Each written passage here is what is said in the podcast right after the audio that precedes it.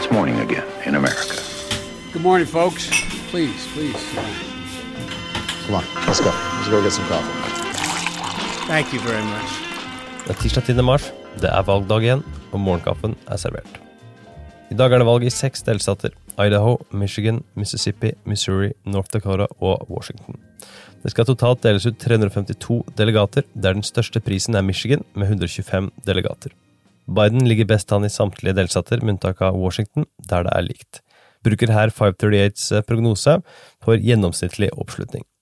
Idaho 48-44 til Biden. Michigan 58-35 til Biden. Mississippi 66-25 til Biden. Missouri 58-38 til Biden. North Dakota 48-41 til Biden. Og Washington, der er det da 42-42. Prognosene viser med andre ord at Biden ser ut til å vinne samtlige stater i dag, med unntak av Washington, der Sanders og Biden ligger helt likt.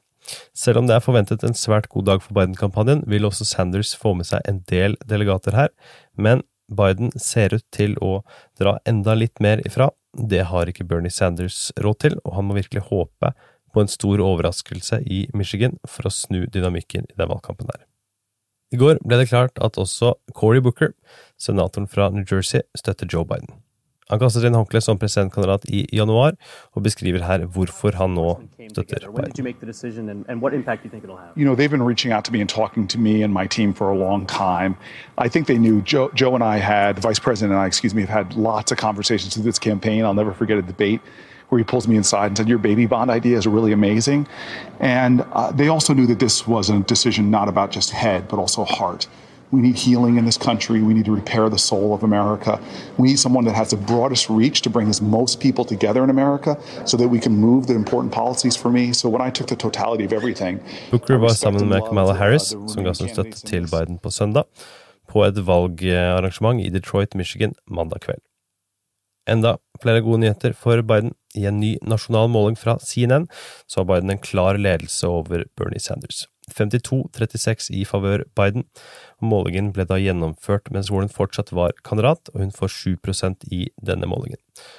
Warrens oppslutning var høyere i starten av målingen, men etter at hun droppet ut av nominasjonskampen, så gikk flere av hennes velgere til Biden, hvilket økte hans oppslutning, mens Bernies oppslutning var stillestående etter at hun ikke lenger var med i målingen. Bernie Sanders er misfornøyd med et nytt debattforslag. Debatten den 15. mars, som også ble nevnt i gårsdagens morgenkaffe, skaper diskusjon mellom Sanders og Bidens kampanjer. Striden går i all hovedsak ut på at det er fremmet et forslag om at debatten skal foregå sittende, og ikke stående som tidligere. Sanders ønsker ikke en slik ny løsning, og anklager Biden og hans kampanje for å komme med forslaget, noe Bidens kampanje nekter for. Sanders kampanje avviser samtidig at de stiller spørsmål ved Bidens helse ved å kritisere formatet på denne måten. Bidens kampanje stiller imidlertid spørsmål ved hvorfor Sanders er imot det nye forslaget om en sittende debatt. Du leser mer om dagens saker i Morgenkaffen på amerikanskpolitikk.no, og i morgen så kommer vi tilbake med en oppdatering av hvordan det har gått i disse valgene. Dagens utgave er servert av Ingrid Sofie Stangeby Wendsel og undertegnede Are Togflaten. Du abonnerer ved å gå til ampol.no se kaffen. Senator Sanders has seen these late endorsements coming together, your other former rivals, and seen this as part of an establishment effort here to end the primary early. Are you part of this, the establishment? What is this actually about? You know, my whole life, uh, professional life, I've lived in a, in fact, I'm the only senator that lives in a community below the poverty line where we have shootings in our neighborhood still, even though our mayor's doing a great job, where we see people working full time jobs still needing food stamps. My whole life is fighting against the forces that are holding back those communities. I'm tired of us trying to turn Democrats against each other with labels.